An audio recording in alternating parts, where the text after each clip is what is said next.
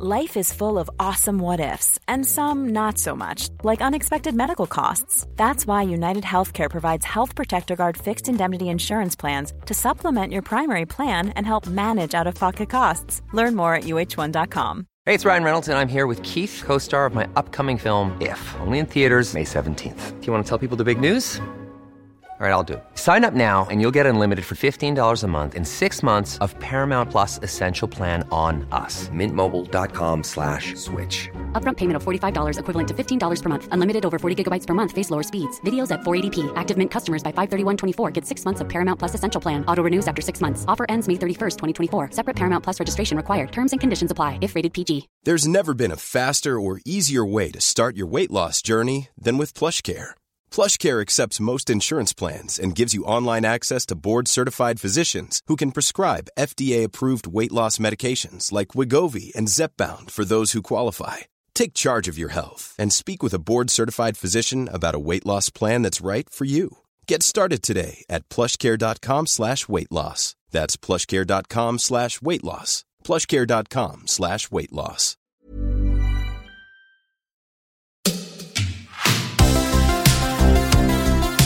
Hej och välkommen till Klocksnack med Denke och Berns. Nu är vi framme vid den tredje och sista delen av vår årskrönika. Efter Alex då, när jag kände att jag var lite modig, då passade jag på att träffa en italiensk klockdealer, Francesco. Eh, jag träffade lite senare också eh, eh, Andrea Eh, Parmigiani från ett annat auktionshus som heter Monaco Legend. Vilket varit ett jättehärligt samtal mellan honom och mig där. Eller jag, jag hade ett väldigt trevligt samtal.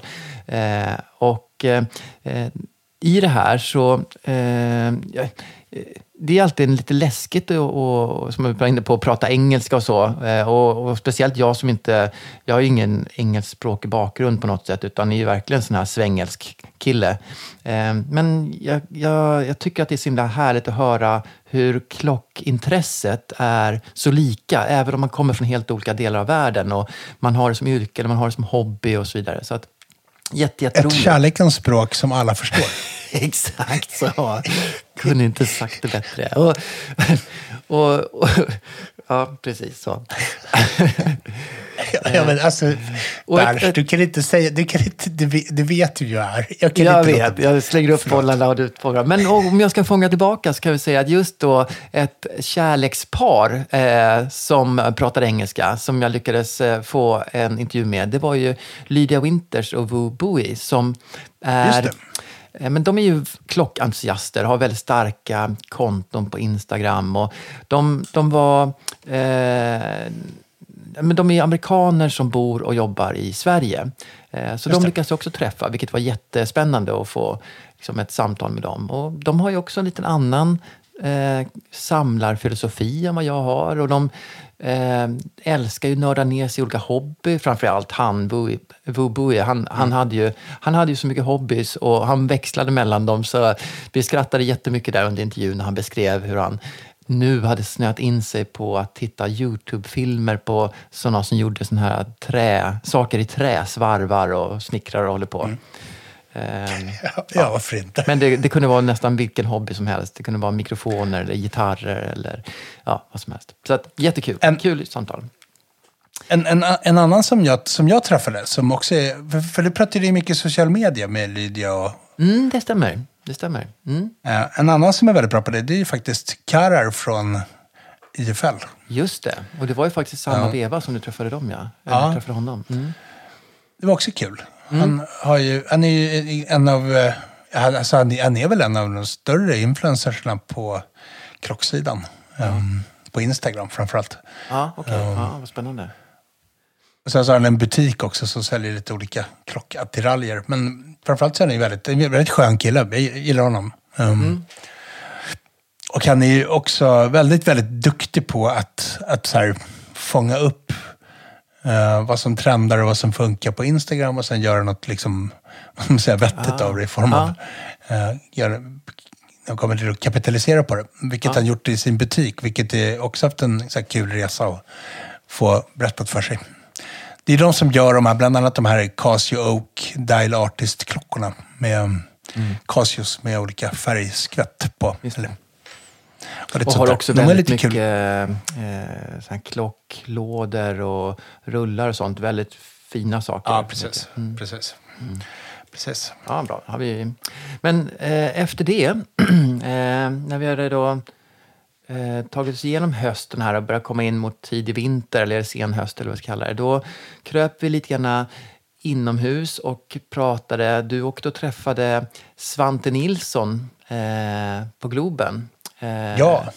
Och det var ett väldigt, ja, väldigt väl lyssnat avsnitt. Svante var ju arg, arg som ett bi, vilket var underbart att höra. Ja. Ska vi lyssna på Svante lite? Nej, det var inte. Men han vågade säga saker som man tyckte var fel. Och det, det är inte alla som vågar det, vilket var lite härligt. Eh, eh, ja, men det känns lite kul att få höra hur, hur det är. Så vi, vi lyssnar in Svante Ja, lite grann. vi- Ja, vi gör det.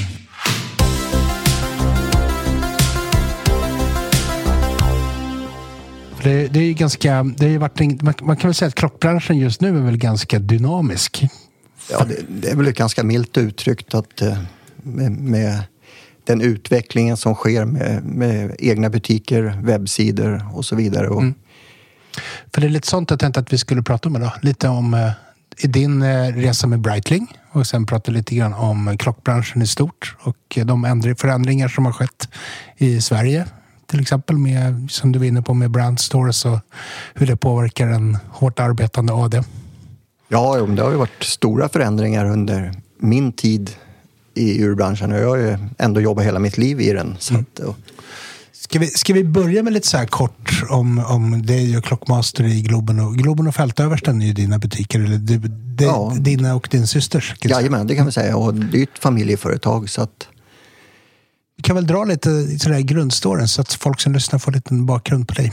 Ja, tar vi min farfars far så var han väl klensmed nere från Åtvidaberg. Och Vad är, farm- vad är klensmed? Nej, de gjorde väl egentligen små kugghjul till kugghjul och axlar och tappar och sånt för gamla väggur och bordsur och golvur och sånt och sålde det. Och sen farfar var ju väldigt duktig urmakare och han startade ju, det var innan Hötorgs city byggdes om, så hade de uppe på Malmskillnadsgatan utav alla ställen. Och det var innan man kunde gå, ja, där spårvagnen går idag från Sergels torg bort mot Gallerian. Där var det en stor puckel i stan så att alla skulle ju över Malmskillnadspuckeln. Så att, och, men då var det ju rent urmakeri.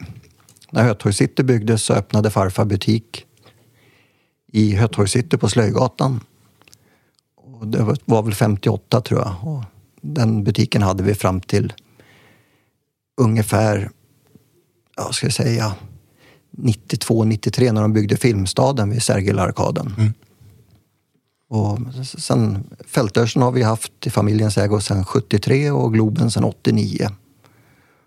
Och, s- s- 89, det var då Globen byggdes också. ja, jo, Så men vi har legat på samma adress sen. eh, Vi är en av de få originalhyresgästerna som är Mm. kvar faktiskt i gallerian här.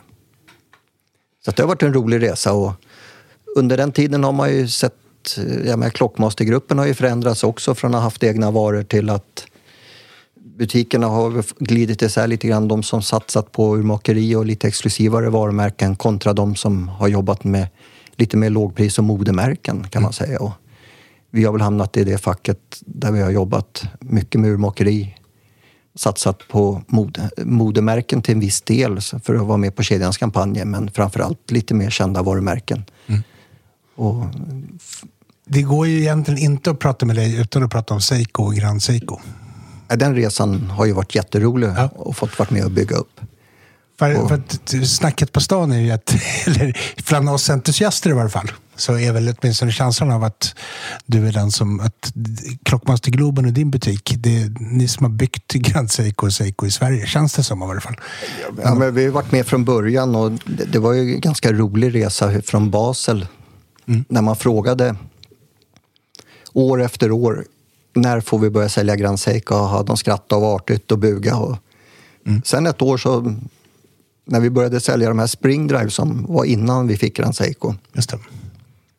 Då var vi på en resa och träffade japanerna 2006 på en sån här rundresa i Japan. Och efter det så började vi sälja och vi hade en budget på att sälja tror jag, fyra eller fem klockor på det året och vi sålde 14.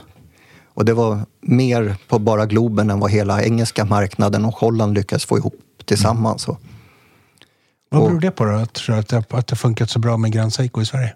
Eller Seiko? ja, Grand Seiko kom ju efter det, men det, hittar man någonting man brinner för och man vet vad det är, Mm. då är det ju kul att sälja det. Och man ser hur glada kunderna är som har köpt det. För jag vet ju att när, när jag började samla på klockor för det, var väl en, snart 15 år sedan. Så då kommer jag ihåg liksom att just Seiko och då var det de enda som hade liksom vettiga Seikos i Sverige, det var ju ni. Som jag minns det i alla fall. Jag försökte ju satsa på någonting som inte alla andra satsade på också. Hitta något som gjorde våran butik unik. Och med Springdrive så öppnade ju Grand Seiko sen själv en butik i Amsterdam och en i Paris 2007. Och när de gav oss approval för att börja sälja Grand Seiko, då var det ju 2008 och då, som jag förstod så var vi första privatägda butik utanför Japan hela världen som fick börja. Annars var det ju Seiko själva som gjorde det.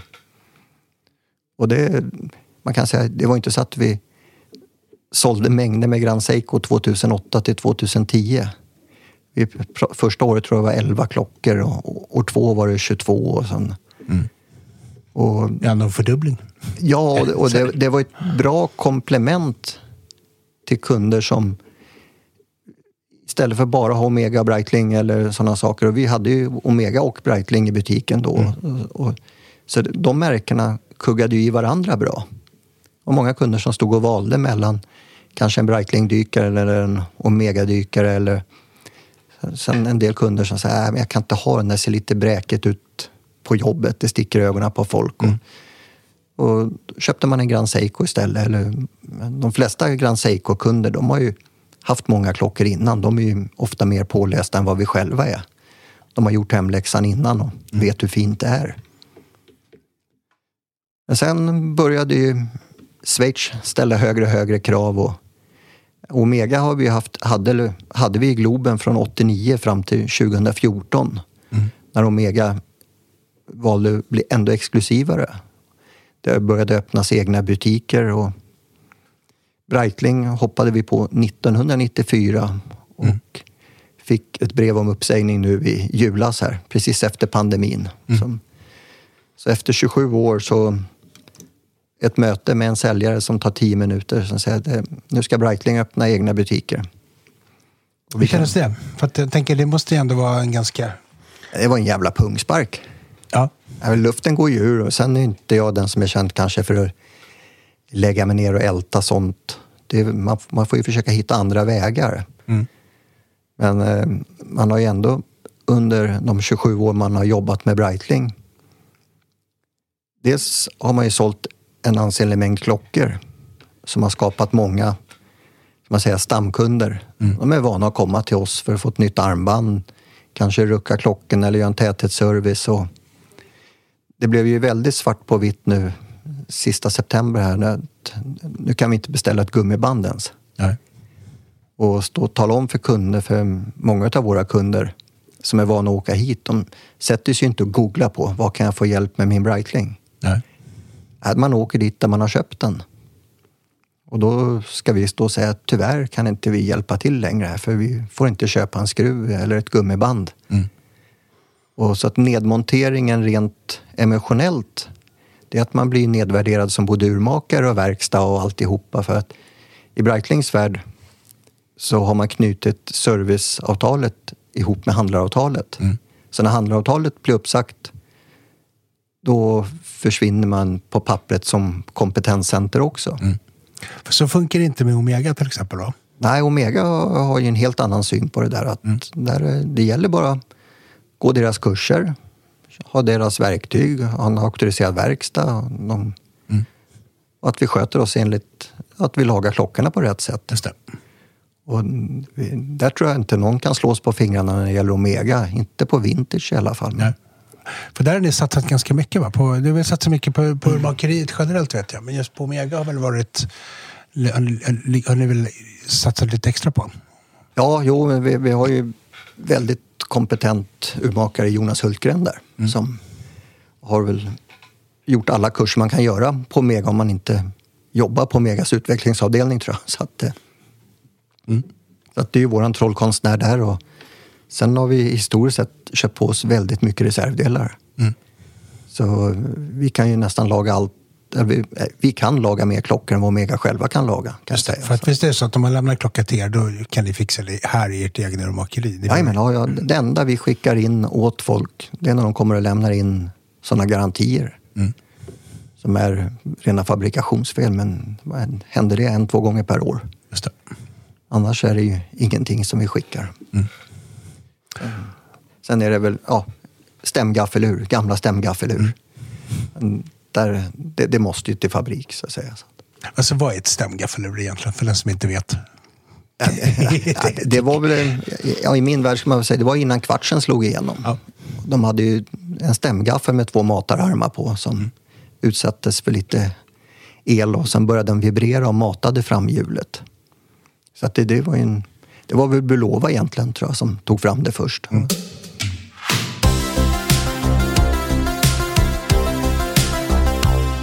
Jag gillar Svante. Jag har spelat in på honom förut. Han är ju sådär... Eh, det som är kul med honom är att han är väldigt, han är väldigt frispråkig. Han, berättar, han säger vad han tycker och tänker. Det är alltid skönt uppfriskande med sådana människor, faktiskt. Mm, verkligen. Eh, sen tycker jag väl också så här att det, det som jag tyckte var, tycker också är intressant att prata med en sån som Svante, eller om man pratar med andra ADs. ehm, det är ju faktiskt att få en, en bild av hur det funkar bland de som faktiskt säljer klockorna till oss som samlar och klo- oss klockintresserade. Eh, Och hur de, hur de ser på saker. För det är ju inte alltid som att det... Jag menar, vi samlare kan ju ha en bild av hur vi upplevs och hur vi ska behandlas och bör behandlas och, och sådär. Precis. Men, men eh, medan ADS kanske ser, ser på det på ett lite annat sätt. Sådär. Och Det tycker jag är jätteintressant, att liksom öka förståelsen för, för oss alla. Absolut, visst är det så. Eh, sen tycker jag att Svante är riktigt, riktigt skön, trevlig kille också. Så att jag, Ja, Jag har, jag har bara träffat honom ett par gånger, men jag, jag håller med dig. Han är väldigt, väldigt intressant och väldigt rolig att lyssna på. Så, så att, ja. Och sen har han ju varit, han har ju varit med väldigt länge och drivit urhandel och urmakeri väldigt länge. Så han är ju liksom otroligt kunnig på klockor. Framförallt så är det ju, han är ju också väldigt känd för, jag tänkte hoppa över lite till nästa avsnitt. För Svante är ju känd för att vara en av dem i Sverige som har varit så här champion för att få in både Seiko och Grand Seiko. Eh, fra- och liksom framförallt de roligare modellerna. Så där. Jag menar, det, där är, har ju Svante och Klockmaster Globen varit alltså, frågan om det ens hade hänt, det hade kanske, men, men liksom... Mm. Har verkar gått i bräschen för mm. att... Ja, men verkligen. Han, han liksom, tog in de här klockorna långt innan det ens var möjligt egentligen. Mm. Så hade han ju ändå det i butiken, liksom, för att han var så enveten och har så bra kontakt med, med Seiko direkt i Japan och sådär. Ja, Ja, och det är kul. Han är ju en profil för alla som gillar Seiko och Grand Seiko. och det var som du försökte spela in då, nästa avsnitt var ju just att du var på ett event med Seiko här i Sverige. Där vi... eh, Exakt. Ja, men det var, det var, jag tyckte att det var ett jätteroligt avsnitt att spela in. Vi hade ju massa olika gäster och eh, den som man kanske ska ta upp först och främst då, det var ju deras eh, eh, marknadschef kan man väl kalla det, var det väl, för Europa och eh, Afrika tror jag till och med, om jag kommer ihåg rätt. Han, han heter Naoto Hiroka med stor reservation för mitt uttal här då. Ehm, men det var en rolig, eh, just den intervjun var inte superrolig. Han, han hade redan skrivit upp svaren innan han hade fått frågorna, så han läste bara sina svar eh, oavsett vilken fråga vi ställde. Det var min Ja, men, men jag tyckte att han slappnade av mycket mer när vi visade våra gamla Seikos vi hade på oss. Då var det ju Ja. lite annan... Det var lite så skönt drag då. Ja, ja men det stämmer. Han, exakt, då, då vart han lite, lite mera som, som vi. Men vi hann ju träffa även de som eh, hade anordnat eh, eventet och vi hann träffa massa samlare eller liksom besökare. Ja, men det var, det var faktiskt jätteroligt. Vi, eh, kul, kul avsnitt med en lite annan typ av inspelning med massa men liksom Ja. lite vimmel, vimmelavsnitt. Sådär. Ja, det var det. det, var det. Ehm, Kanske, inte, kanske är svårt att klippa in något enstaka just från den, men jag kan verkligen rekommendera att gå tillbaka till den och lyssna. Eh, det som jag skulle vilja komma fram till som vårt nästa klipp här, det är ju ehm, när vi träffade eh, Garmin. Eh, och framförallt när vi träffade Ola Skinnarmo eh, där hos Garmin. Eh, och jag skulle Ja. ju gärna bjuda på när Ola förklarar varför jag inte är en bra äventyrare. Det kan vi väl klippa in. Ja, det tycker jag. Ja, Fredrik, då sitter vi här med Ola Skinnamo. Äventyrare, entreprenör, mångsysslare. Jajamän, Eh, kul att få en pratstund med dig. kul att vara här. Eh, jag, tänkte, jag tänkte vi skulle prata, jag vill gärna prata både om Garmin-klockor men också äventyr generellt. Så, vad, Fredrik, vad känner du? Vad vill du? Jag vill ju prata lite grann om äventyr och klockor i kombination. Eh, både Garmin såklart, men jag vill också gå lite grann tillbaka i tiden till det vi nämnde tidigare, eh, Explorers Club. Eh, en sammanslutning eh, av äventyrare där Rolex historiskt har varit sponsorer. Eh, och jag ska försöka berätta ett litet eh, lokalt initiativ som vi håller på att jobba med också. Men vi kommer tillbaka till det. Mm. Härligt. Ja, men ska vi börja lite bakgrund? För vi är ju då en klockpodd som har till största del lite klocknördar som lyssnare. Att vi spelar in dem, att eh, berätta vem, vem Ola är. Vem, eh, vilken bakgrund och så. Ja, vem är Ola? Jo, jag är ju Hey, it's Danny Pellegrino from Everything Iconic. Ready to upgrade your style game without blowing your budget? Check out Quince. They've got all the good stuff shirts and polos, activewear, and fine leather goods, all at 50 to 80% less than other high end brands. And the best part? They're all about safe, ethical, and responsible manufacturing. Get that luxury vibe without the luxury price tag. Hit up quince.com slash upgrade for free shipping and 365 day returns on your next order. That's quince.com slash upgrade.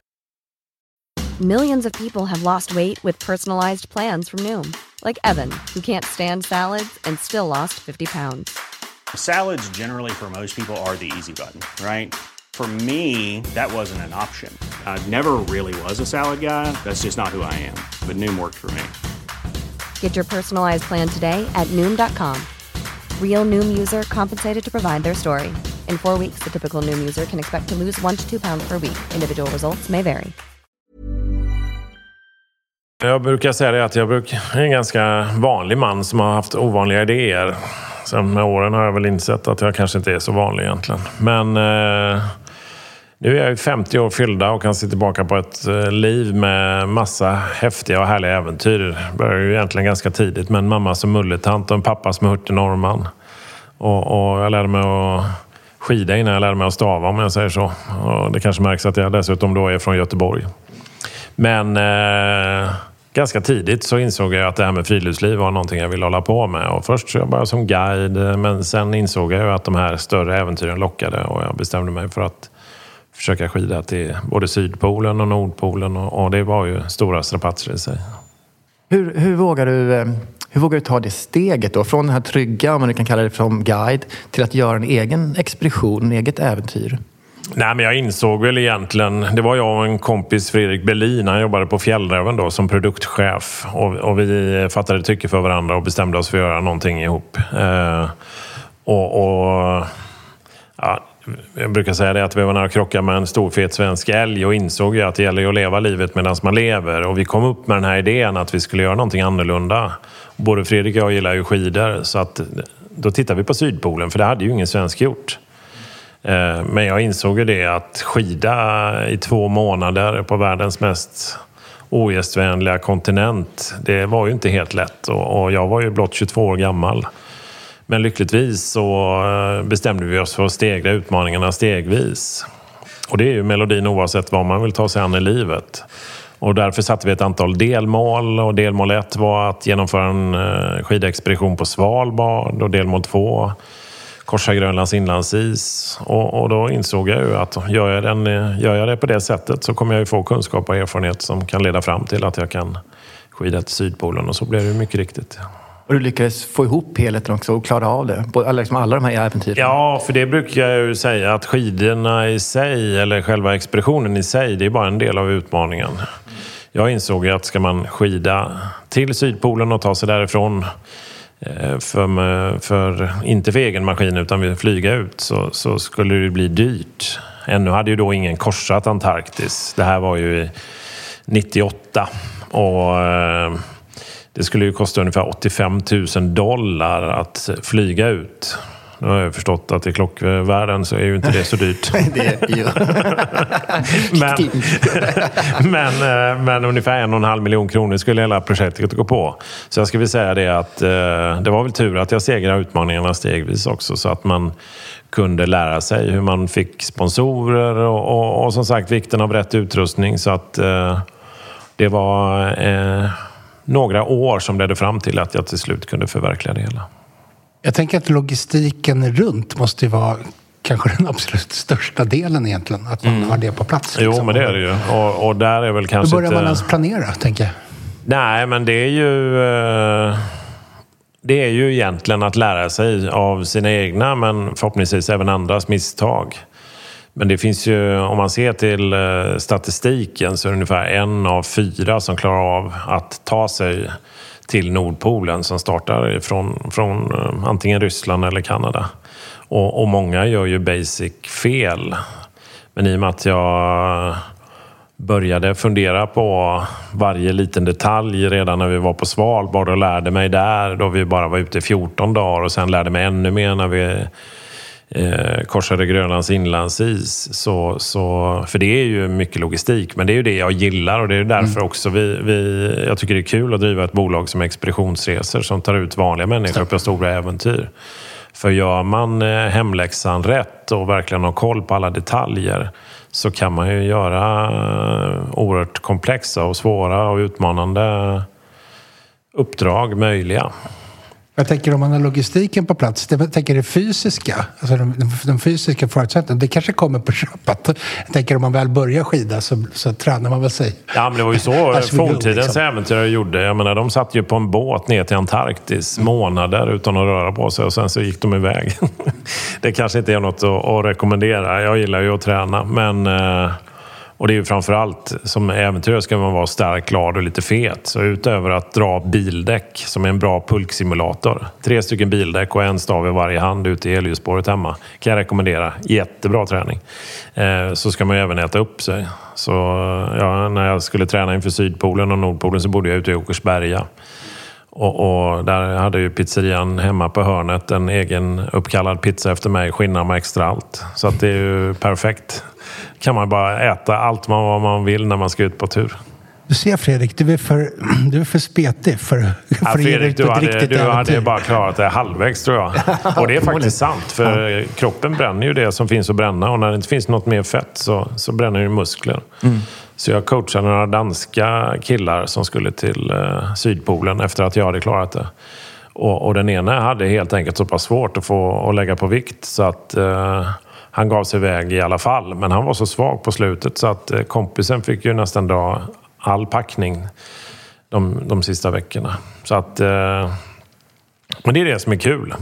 Eh, att, eh, att det är en helhet som gör att det blir en utmaning som är lite mer eh, utmanande helt enkelt.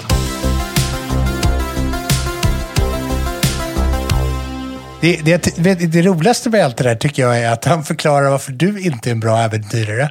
Men han, han, då tänker man ju så här, då borde han ju, åtminstone av artighetsskäl, så borde han ju säga att, att jag som inte alls är lika slim och vältränad som dig, eh, då skulle borde han ha sagt att jag skulle bli en bra äventyrare, men det sa han inte. Så han måste ju betrakta mig som någon sorts klockvrak. Kanske. Ja. Det, var ju en, det var ju en rolig diskussion egentligen. Ola tror inte jag är, eller jag vet, han är inte speciellt in- intresserad av klockor. Knappt ens de här Garmin-klockorna. Han är intresserad av funktioner för sina äventyr. Så när vi försöker lika smyga på, jag hade ju på mig en gammal 1016 och pratade mot Everest och så vidare. Alltså det var ju det var så, det var så olika världar när han försökte liksom möta mig i intresset. Men det var, ah, nej. Det var, det var roligt för att det var så konstigt. Men, För, för er som inte orkar gå tillbaka och lyssna så var det, det var väl ungefär så här. Du, du försökte prata om de filosofiska valen bakom när man väljer, filosofin bakom att välja vilken klocka man ska på ett äventyr. Eh, och visade din skitfina 1016 Rolex. och han tycker att det är bra med bra batteritid och sen börjar han prata om din kropp. Så minns jag det. ja, det är bra sammanfattning av den, den podden, faktiskt. Ja, kul. Eh, och det här Han var riktigt skön. Jag gillar honom. Ja, alltså vi super- hade ett supernice. jätteroligt samtal. Var, ja, vi raljerade lite grann, men, men det, var, det var kul. Eh, det kanske inte varit så mycket klockor när vi pratade om det, men vi, prat, vi hade ett väldigt trevligt samtal. Så att, eh, mm, värt att lyssna på. Nej, men Ehm, klockor kan man googla. Ja, exakt. Man behöver inte lyssna på podd om det också. Men faktum, det som vi inte visste om då, eller kanske att vi visste det, men vi, eh, det var att det var det sista Denko Berns-avsnittet. För sen så föddes eh, ett nytt namn och ett nytt samarbete påbörjades med Klocksnack, eh, vårt kära Ja. forum. Så att Ja. från och med december i fjol, 2022, så blev vi Klocksnack med Denke Berns. Och Ja. Ja, förutom att vi gjorde ett eh, lite introduktionsavsnitt och förklarade bakgrund och så vidare, så han jag väg, iväg och träffa Mikael Wallhagen på Sotheby's. Eh, han är ju klockchef, eller chef för klockavdelningen där. Eh, precis, och eh, Mikael Wallhagen är också en väldigt trevlig person att lyssna på eh, och väldigt, väldigt kunnig. Så jag tänkte jag ska få klippa in lite grann av eh, Mickes och mitt samtal här.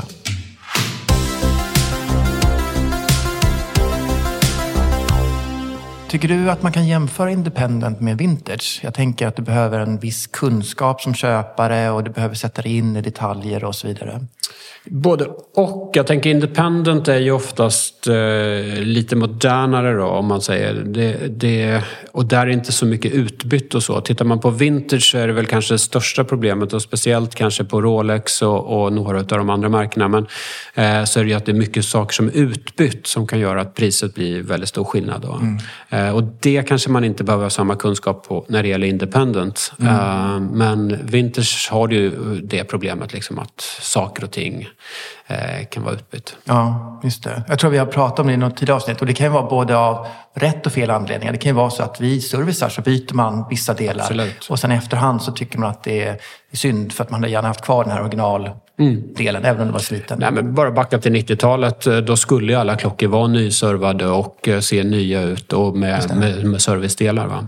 Eh, och det var ju många klockor som... Det var rätt då, men sen så, så vill marknaden något annat senare då. Och då blir de ju ännu mer ovanliga, de här riktiga, liksom de här ti- tidsikoniska klockorna som är helt orörda. Då. Ja, ska vi snegla framåt in i framtiden? Vad tänker du om eh, det som kommer? Slutet av det här året såklart är New York-auktion. Men också om vi tittar förbi årsskiftet och in i 2023. Nej, men jag, vad jag vill i alla fall det är ju att våra auktioner ska vara, vara mer eh, bestå av klockor som inte tillverkas idag. Eh, och med det menar jag då att de referenserna som tillverkas och säljs i butik eh, ska ju egentligen inte vara auktionsobjekt, tycker jag. Men, men så är det ju självklart att det, det kommer vara vissa av dem som, som finns där. Va? Eh, men, men det är ju inte det som vi eh, som specialister som är ute och letar och träffar kunder på olika ställen. Det är ju inte det vi vill att de ska komma med utan vi vill gärna hitta liksom såna här unika, unika saker som helst är lite äldre, eh, vintage och eh, ovanliga, kanske unika objekt eller har en härlig och kul proveniens eh, och sådana saker. Så det är det man vill hitta. Eh, sen så tror jag, jag menar, det är svårt att säga vad, vad, var marknaden tar vägen för jag tror att det beror på så väldigt mycket liksom vad som händer i världen och, och där är inte jag riktigt rätt person att kunna bedöma med, med, med krig och eh, eh, börser och, och sådana saker. Då. Man, tar, man tar, använder backspegeln för att snegla framåt. Jag tänker till exempel kriget i Ukraina. Eh, jag tror inte jag förstod vilken effekt det skulle ha på världsekonomin när det drog igång. Man kan tycka att det är sorgligt och hemskt att det händer, men den här effekten som slår över hela världen. Eh, du nämnt krypto ett par gånger också. Eh, upplever ni att det har varit en stor orsak till prisförändringarna i... I- Både och. Inte på vintage, inte på independent. Nej. Men på de här eh, helt moderna klockorna då, så att säga, som är omöjliga att få tag på i butik. Eh, Om man tittar på Nautilus och Royal Oak och kanske såna här eh, ja, lite mer diamantbeströdda ur och sådana saker. Eh, Där hade vi ju en del som kom in och, och köpte med, med pengar som egentligen de hade fått gratis och, och tyckte att det var kul att belöna sig. Så lite mer den typen av klockor. Och de har ju, där har det ju försvunnit liksom, ganska, ganska brant. Då. Skulle, det, skulle den marknaden komma tillbaka om, om eh, bitcoinen går upp i pris och så vidare? Eller är det... Jag kan tänka mig det. Ja. Jag kan tänka mig det att de, de som kommer in och inte köp, de som kommer in och köper utan, utan kanske direkt intresse eller eh, riktigt vett på vad man köper. Va? Eh, de kommer nog tillbaka på ett annat sätt. Då. Jag tycker, om jag försöker se så trender som händer, så tycker jag att det senaste året, kanske åren till och med, så har färgglada klockor, det finns vissa färger som alltid är väldigt premium, men på något sätt färgglada klockor som syns på håll har varit någonting som har, har eh, gått väldigt bra. Det är kul att du säger det, för det är ju precis likadant på konst. Och eh, det finns en del studier som säger att det är mer Instagramvänligt. Eh, och att det är sånt som går igenom då sociala medier och eh, på Teamsmöten och sådana grejer så är det någonting som man vill ha i bakgrunden eller ha på sig. Eh, så att tydligen så under den här pandemiåren så har just färgglatt eh, haft en enorm trend. Inte bara på klockor då utan även på, på konst och, och kläder och hela, hela den biten. Vad intressant. Ja. Eh, Så, att, så att ja, det, det stämmer. Och, ehm, och jag menar, vi, vi hade ju några såna här färgglada Royal Oak-klockor. Den här röda tavlan, Ferrari-tavlan som, som eh, vi hade med som sålde ju fantastiskt bra. Och Det var ju en klocka som ingen tittade på. Eh, kul historia med just den då, det var ju att eh, han som lämnade in den, den röda tavlan låg ju på sidan. Den var ju borttagen för att ha en mer klassisk tavla. Eh, så att, nej, men det, det, just det här färgglada, absolut, det har kommit. Eh, sen om det här får att stanna, det vet jag inte. Om Nej. det går tillbaka mer diskret eller inte. Just det. Allting går väl i cykler. Så är det, Ja. så är det. Eh, mm. Jag, jag tänker ju också att jag, eh, om man tar Nautilusen med den här Tiffany-versionen, att det också påverkade den, den turkosblåa tavlan. Mm. Och Rolex kom med sina serier med färgglada OP-modeller och så vidare. Absolut. Och så följde Omega upp med, med samma och Seiko också och så Ja. vidare. Va? Så att, jag menar, det är klart att det, det, blir, det blir ju en trend då. Va? Och, och, det är ju, och då vaknar ju vintage, vintageklockorna med, med färgglada tavlor också upp då. Va? Just det. Ja. Helt plötsligt så vart ställa-tavlorna och de här är väldigt intressanta igen. Så, ja. Exakt, exakt. Om jag tänker att den här cykeln med färgglada tavlor börjar ta slut så småningom, kanske inte 2023, kanske tar flera år. Vilka tavlor, eller vilka tavlor, vilka typer av klockor skulle du kunna tänka dig är det som man ska eh, spana in sig på redan nu, om man ska vara tidig i, i trenden? Det, det, det vet man ju aldrig riktigt, men jag personligen tror ju att eh, de här klassiska klockorna, eh, typ eh, 50 och 60-talsklockorna eh, i, i gul guld med läderband till exempel. Eh, Patek Philippe 3445 och eh, det finns ju mycket fina Audemars Piguet-klockor och de får man ju nästan ja, inte gratis kanske, men, men alltså förhållandevis väldigt, väldigt billigt.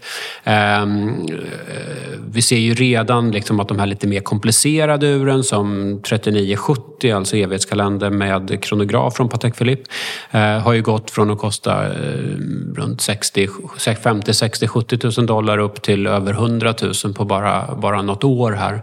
Eh, och ehm, så det, det, det rör ju på sig. Och det, jag tror att många pratar ju om liksom att om man får en Nautilus för 100 000 dollar och så kan du få en, en guldklocka, en Nautilus i stål då för 100 000 dollar så kan du få en, en guldklocka med evighetskalender och kronograf för samma pengar.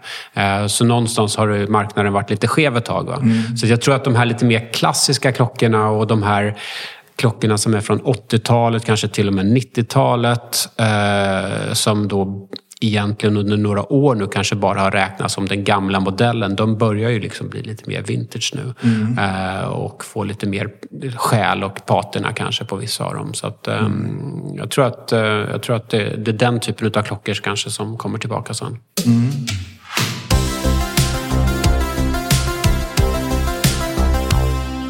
Sen var det egentligen bara ett enda avsnitt kvar eh, på året. Det sista vi gjorde på Tomasdagen, den längsta natten, eh, 21 december, det var att vi träffade Georgios och Sanna eh, från Kaplans och pratade om året som gick egentligen. En, en bakablick, tillbakablick under auktionsåret.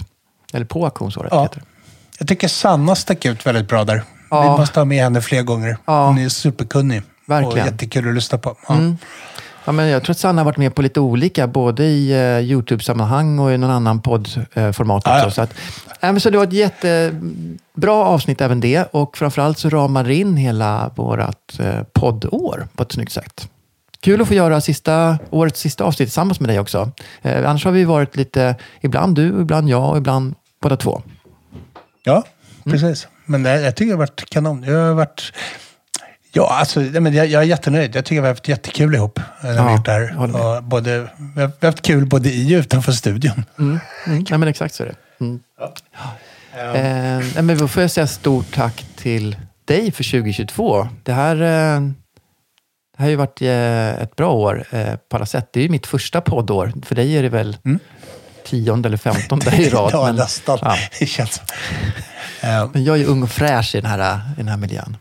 Ja, precis, precis. Jag är ju en gammal man i en, ung, i en ynglingskropp. Men mm, ja. eh, tack själv, Berns. Jag tycker att det har varit super. Det, var, det, blev precis så som jag hade velat att det skulle bli att göra mm. podd med dig. Mm, vad kul.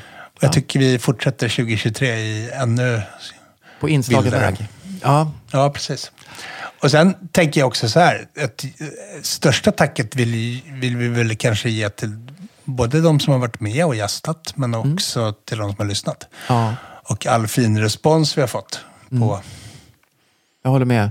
Och gärna, eh, gärna mer kommentarer, åsikter. Både ja. frågor eller ämnen som ni eh, vill att vi tar upp. Jag får, jag ska inte säga dagligen, men ganska ofta får jag lite eh, förslag från på olika sätt. Antingen via vårt ja. Instagramkonto eller på klocksnack via PM eller på andra sätt. Så fortsätt med det. Arga sms. Arga sms kan man få. Eh, speciellt när ljudkvaliteten är dålig. Då har jag blivit utskälld. Det har jag lärt mig. Eh, men, eh, men det är bra. Allt det här är positivt ja. för oss. För det gör att vi blir bättre. Med all rätt. Att vi får, ja, och att, ja, att vi får eh, eh, nya idéer och, och göra avsnitt om saker som är intressanta att lyssna på. Ja, men då stänger vi 2022 eh, med den här årskrönikan och eh, säger tack för det här året. Ja, tack. Ja.